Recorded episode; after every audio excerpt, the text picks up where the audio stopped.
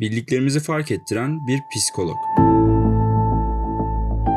Doğan Cüceloğlu İnsanın özgürlüğe kavuşma sürecinde sorumluluk sahibi olmanın rolü nedir?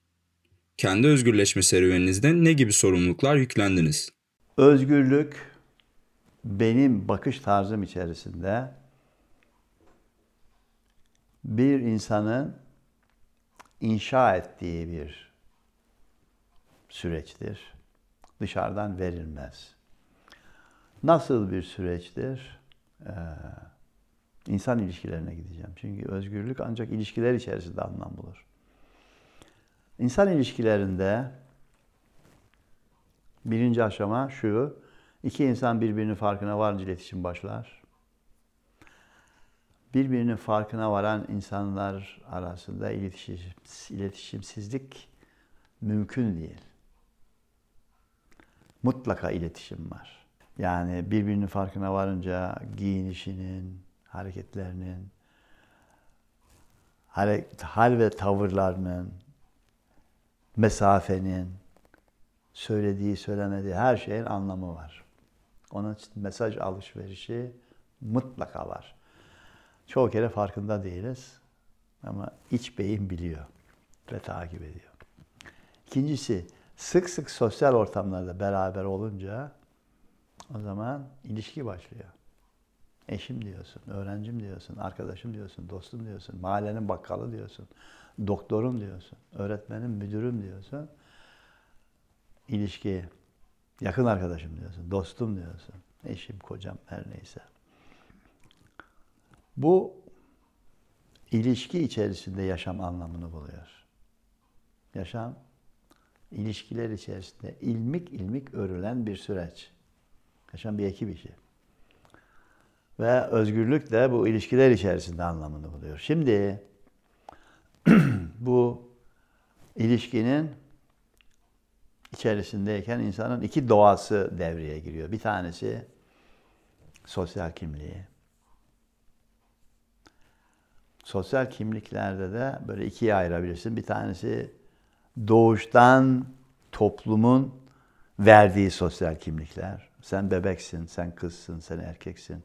Sen babasın, sen dedesin, sen amcasın, sen halasın, sen dayısın şeklinde. Bir de kazanılmış sosyal kimlikler var. Öğretmensin, doktorsun, polissin, müdürsün şeklinde. Onun için ilişkide sosyal kimlik. Ben kendimi tanıtırken Profesör Doktor Doğan Cüceloğlu, 17 tane kitap yazarıyım falan şeklinde mi tanıtıyorum? Doğan Cüceloğlu olarak mı tanıtıyorum? Vurgulamalar farklı. Bazı yerlere gittiğim zaman kişi diyor ki hoş geldiniz. Şirket müdürü diyor. Adam adını söylemiyor.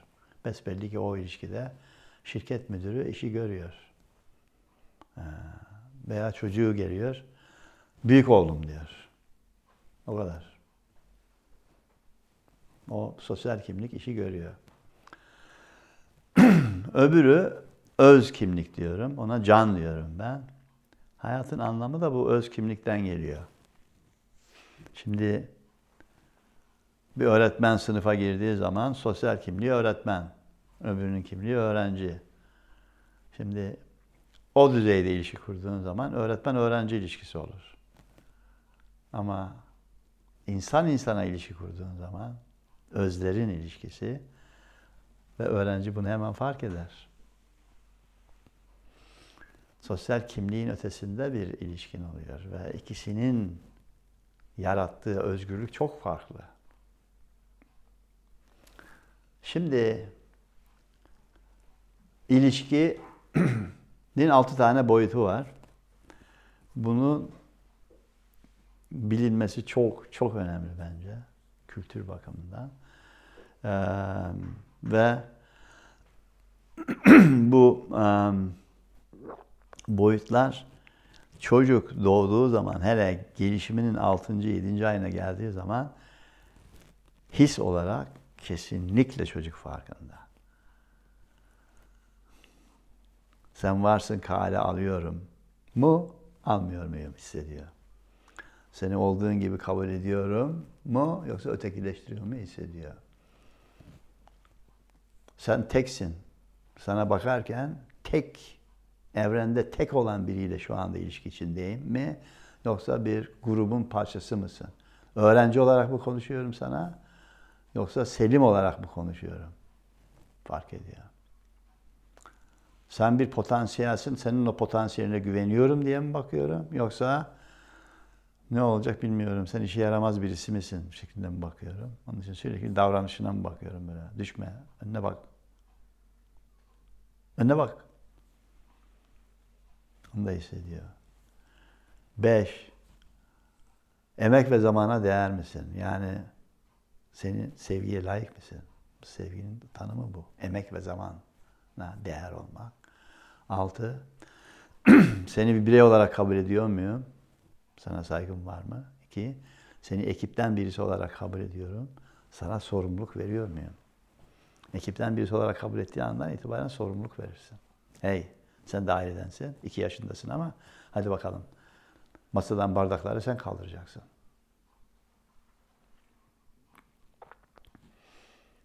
Ve yapılan beyin çalışmaları gösteriyor ki beyin eğer anne baba çocuğu var eden bir tanıklık boyutu içerisinde olursa gelişim salgıları salgılıyor. Çok önemli bir şey bu. Şimdi denetim odaklı korku kültüründe hep dış tanık önemli.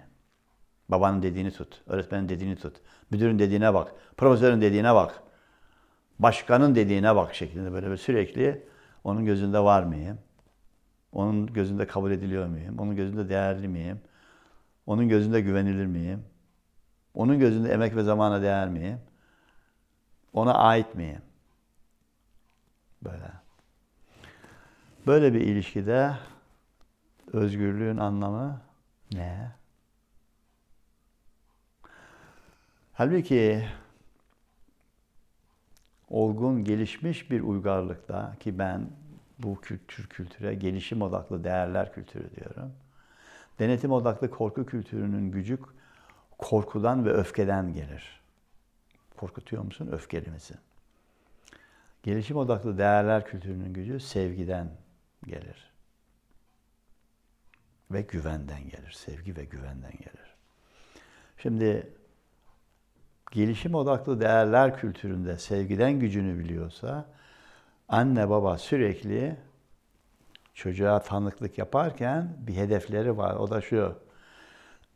sürekli çocuğa hatırlatıyorlar. Bak diyorlar. Unutma. Senin yaşamında sürekli birisi var. O da senin kendinsin. Sakın bunu unutma. Sakın bunu unutma. Sakın kendini yok etme. Onun için hayatının en önemli tanığının senin kendin olduğunun lütfen hiçbir zaman unutma. Farkında ol.